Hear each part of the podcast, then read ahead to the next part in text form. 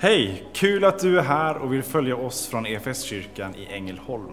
Du kommer nu att få se eller höra en predikan från en av våra gudstjänster. Har du några frågor eller vill veta mer om oss som kyrka så kan du alltid gå in på www.efskyrkan.info. Vill du ha tillgång till mer undervisning eller ta del av våra inspelade konferenser eller gudstjänster gå gärna in på vår play-kanal efskyrkan.tv. Nu ska vi lyssna på denna veckas predikan. Och eh, det är ju väldigt passande också med den här plantaktionen tänkte jag när vi ställde i ordning här på morgonen i foajén. Eh, också så här i vårens liksom brytpunkt på något sätt. Och kylan har ju hållit i sig så att de här eh, plantorna kommer i väldigt, väldigt lagom nu när det, vi hoppas värmen kommer lite mer och det blir lite högre temperatur också i jorden.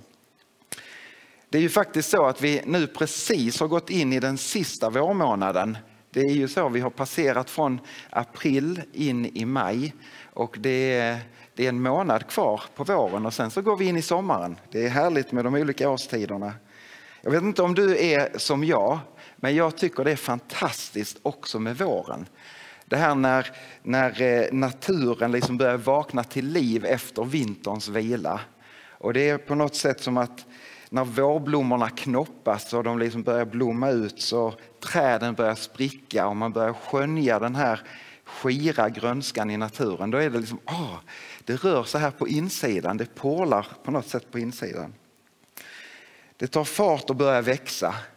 Och, och sen är det också så fascinerande om du har satt ett litet, eller lagt ett litet frö i jorden och så vattnar man lite grann och så plötsligt så börjar det sticka på. Det rör sig på ytan och så börjar det växa. Det där lilla fröet som kommer att förvandlas kanske till en vacker blomma som kommer att pryda trädgården på något sätt. Så kommer den här söndagen så väldigt, väldigt lägligt med sin rubrik och sitt innehåll, nämligen att växa i tro. Att växa i tro, vad innebär det?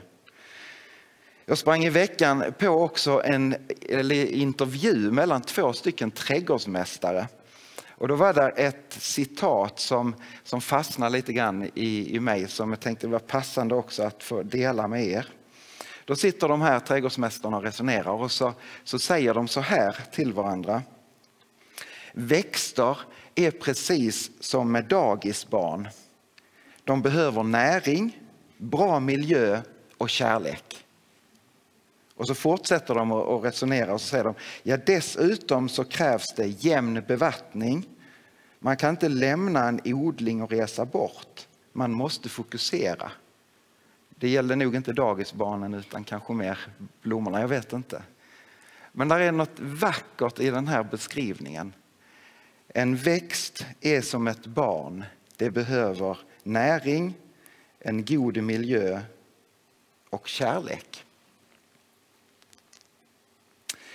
Och jag, när jag läste detta och hörde detta så var det som att det, liksom, ja, men det här är ju precis som med tron. Det finns likheter med det som växer i en rabatt eller i ett trädgårdsland eller det som hör ett dagisbarn till. Det gäller också för tron. Men vad innebär det då att växa i tro? Hur mäter man om ens tro växer? Det kan man ju fundera på. Ytterst sett så tror jag det är viktigt alltid att slå fast detta. Att tron är inte någonting som vi presterar utan tron är en gåva. Och det är som Paulus han skriver i första Korinthierbrevet 3 att det är Gud som ger växten. Det är liksom inte plantan i sig själv eller fröet i sig själv som gör att oh, nu ska jag växa och bli en blomma eller en kärna som säger nu ska jag bli ett nytt äppelträd. Det är Gud som ger växten. Och tron är också ytterst sett en gåva från Gud själv. Men vi kan faktiskt ge vår tro, vårt växande, en bättre eller sämre miljö och grogrund för, för växt. Trädgårdsmästarna de pratade om näring, bra miljö och kärlek. Jämn bevattning och tydligt fokus. Skulle vi översätta detta till trons liv så skulle man kunna tala om näringen i det avseendet att det handlar om kanske bönen, kanske det andliga samtalet med varandra men också med Herren. Att få vända sitt liv aktivt, att välja det, att jag vill samtala med dig Herre.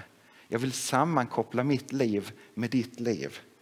Jag får göra mina önskningar kända inför Gud och så får jag på något sätt be Gud tala in så att jag hör och uppfattar i mitt liv.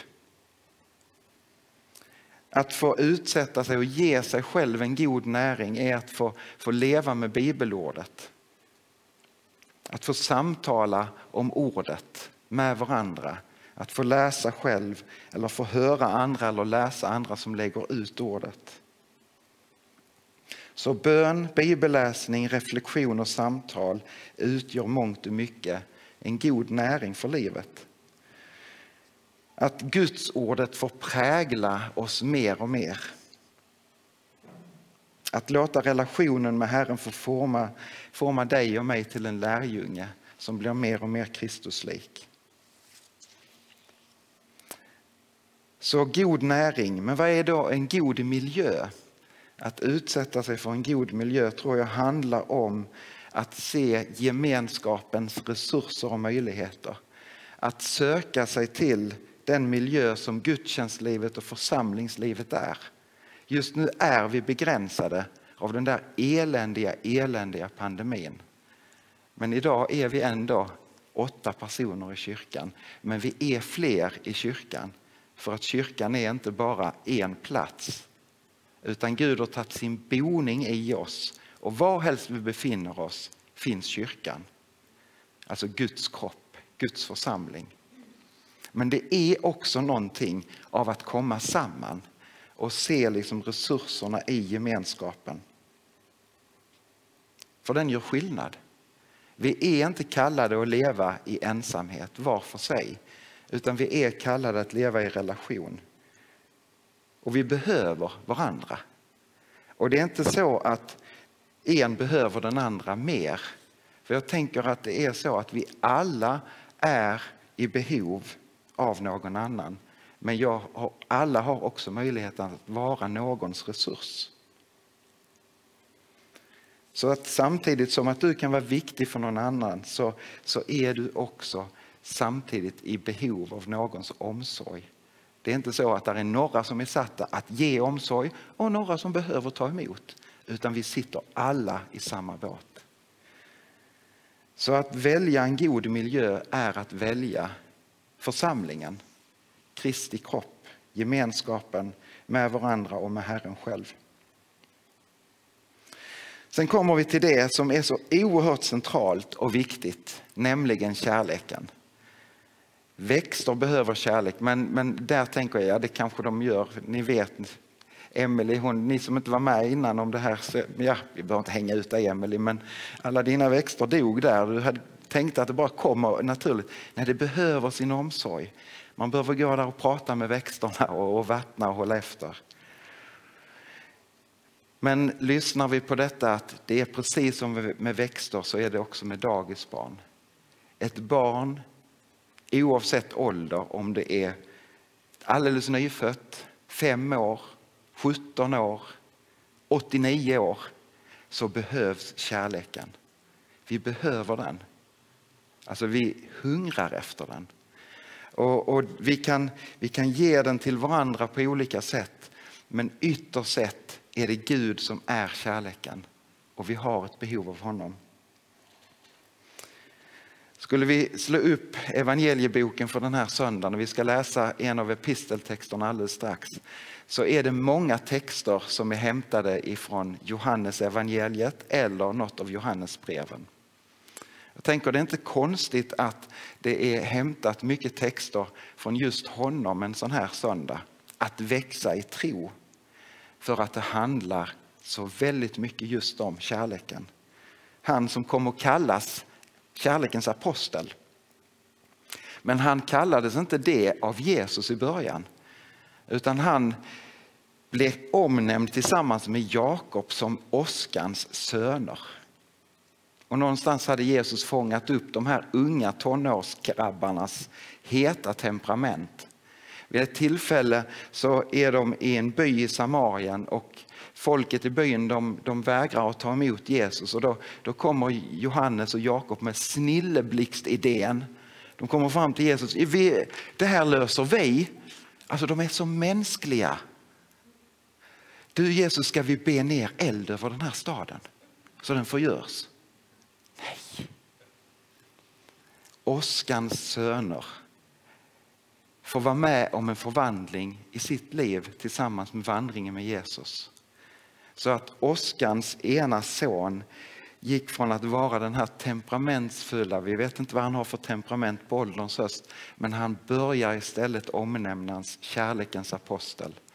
Och det är det han bara förmedlar ständigt, ständigt. Älska varandra, älska varandra, älska varandra. Så Johannes hjärta och sinne mjuknade i gemenskapen med Jesus. Han var en man som växte i tro och utvecklades i tro. Det var också ett liv som mer och mer kom till insikt om att han hade sin djupaste förtröstan och sin tillit till Gud själv och inte till sig, till sig själv eller till sin situation och omständighet. Gud står alltid över. Han skriver, nu ska vi få läsa i det goda gudsordet. Johannes han skriver i första Johannes brev 4, 10 och några verser framåt så här. Detta är kärleken, inte att vi har älskat Gud utan att han har älskat oss och sänt sin son som försoningsoffer för våra synder. Mina kära, om Gud har älskat oss så måste också vi älska varandra. Ingen har någonsin sett Gud, men om vi älskar varandra är Gud alltid i oss och hans kärlek har nått sin fullhet i oss. Han har gett oss sin ande och därför vet vi att vi förblir i honom och han i oss. Vi har sett och kan vittna om att Fadern har sänt sin son att rädda världen. Om någon bekänner att Jesus är Guds son förblir Gud i honom och han i Gud. Och vi har lärt känna den kärlek som Gud har till oss och tro på den. Gud är kärlek och den som förblir i kärleken förblir i Gud och Gud i honom. Så slår Johannes fast detta att kärlekens ursprung är Gud själv. Det börjar inte med att vi älskar honom utan att Gud först älskar oss. Han har gett sig helt för dig. Han älskar inte dig för att du har vuxit i ett visst mått eller att du har en tro som liksom någonstans säger att ja, men jag har ett, ett någorlunda okej liv. Nu kan Jesus börja älska. Nej, Gud har älskat dig från början för att du är den du är. Inte för vad du gör. Nej, Gud älskar villkorslöst för att du är ett Guds barn. Du är skapad av honom, önskad av honom och älskad av honom. Men så fortsätter Johannes, om nu Gud har älskat oss med en sån oerhörd kärlek, då måste vi också älska varandra. För vilka är det vi har framför oss när vi möts? Jo, ett Guds dyrbara älskade barn.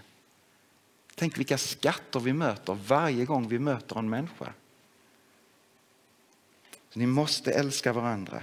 Och så är det som att kärleken till varandra impregnerar oss med Gud själv. I den kärleken så är det som att Gud tar sin boning i oss och liksom Gud förblir i oss. Det är helt fantastiskt. Så Gud hjälp oss att älska varandra. Någonstans kanske vi kan ana att detta med tron lever med samma förutsättningar och med samma utsatthet som allt annat liv. Det behöver jämn bevattning och ett visst fokus. Det sköter sig liksom inte bara av sig själv. I alla fall inte om vi lyssnar på trädgårdsmästarna. Vad sa de? Man kan inte lämna en odling och resa bort. Och så säger trädgårdsmästarna att ja, men jag, blomma, du får klara dig själv. Jag har annat som är lika viktigt, men jag har något annat på tapeten. Nej, man behöver vara där och vårda och ta hand om. Vi behöver också de goda vanorna i våra liv. Regelbundenheten. Men mitt i detta så är det ett sånt stort evangelium att det är Gud som är den stora trädgårdsmästaren. Han som är mån om den blomma som du är. Jesus han säger ju så här. Jag ber för dem. Tänk att du är utsatt för Jesu förbön med en sån intensitet. Han har stigit in i ditt liv. Bekänner du dig till honom så har du Guds ande boende i ditt inre. Och Guds ande tänker jag ber ständigt för ditt och för mitt liv. Vi är utsatta för en fantastisk förbön. Så att skapa goda vanor och regelbundenhet, det tror jag är att bara få samarbeta med Guds ande. Att göra det som också anden vill mana oss till. Att välja på ett sådant sätt så att Guds ord får prägla oss. Att vi får skapa utrymme för bönen, hur den än uttrycks. Tyst med färdigskrivna böner i hejsan kim eller vad det liksom, Det spelar mindre roll. Men att du ställer ditt liv i relation med Herren och vill samtalet. Att vi får brista ut i lovsång, också den med olika toner. Att vi får stå i tjänst på ett sådant sätt så att det hjälper andra att komma nära Jesus. Det är att samarbeta med den helige Ande. Jag vet inte hur du tänker när man pratar om detta att någonting ska växa. Jag tänker väldigt lätt så här att det är något som ska bli större, jag ska se det mer, det ska bli mäktigt och stort. Och så är det ju många gånger, där det lilla fröet blir ett stort, en stor blomma eller en stor växt. Men kanske det ger en skev bild när det gäller att växa i tro. Det handlar kanske inte om att oh, det ska bli stort och mäktigt och självsäkert och alldeles självklart. Så, sådana andliga bodybuilders. Det handlar kanske mer om en tro som söker sig djupa rötter. Som mognar så att den också klarar av de torra perioderna. Det som kanske ser nästan lite torftigt och torrt ut kan det vara så fullt av liv i för att det har djupa rötter. Att få låta en tro växa i ens liv som, som mer har ett fokus på Herren än på mig själv. Som mer ett fokus på Guds möjligheter än på det som jag ser som den här världens möjligheter. Att växa i tro det handlar om att lägga allt mer av sin tyngd på Gud.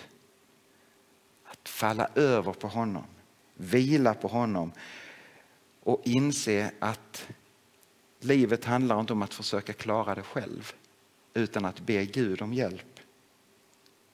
Att växa i tro handlar därmed om tillit. En tillit som även ger utrymme för frågor och tvivel när vi inte får ihop det. Det är att mogna i tro. Att växa i tro handlar om att ge Gud en blick, en suck eller en bön, hur den än må formuleras. Ska vi be tillsammans i detta nu? Jesus, vi tackar dig för din trofasthet.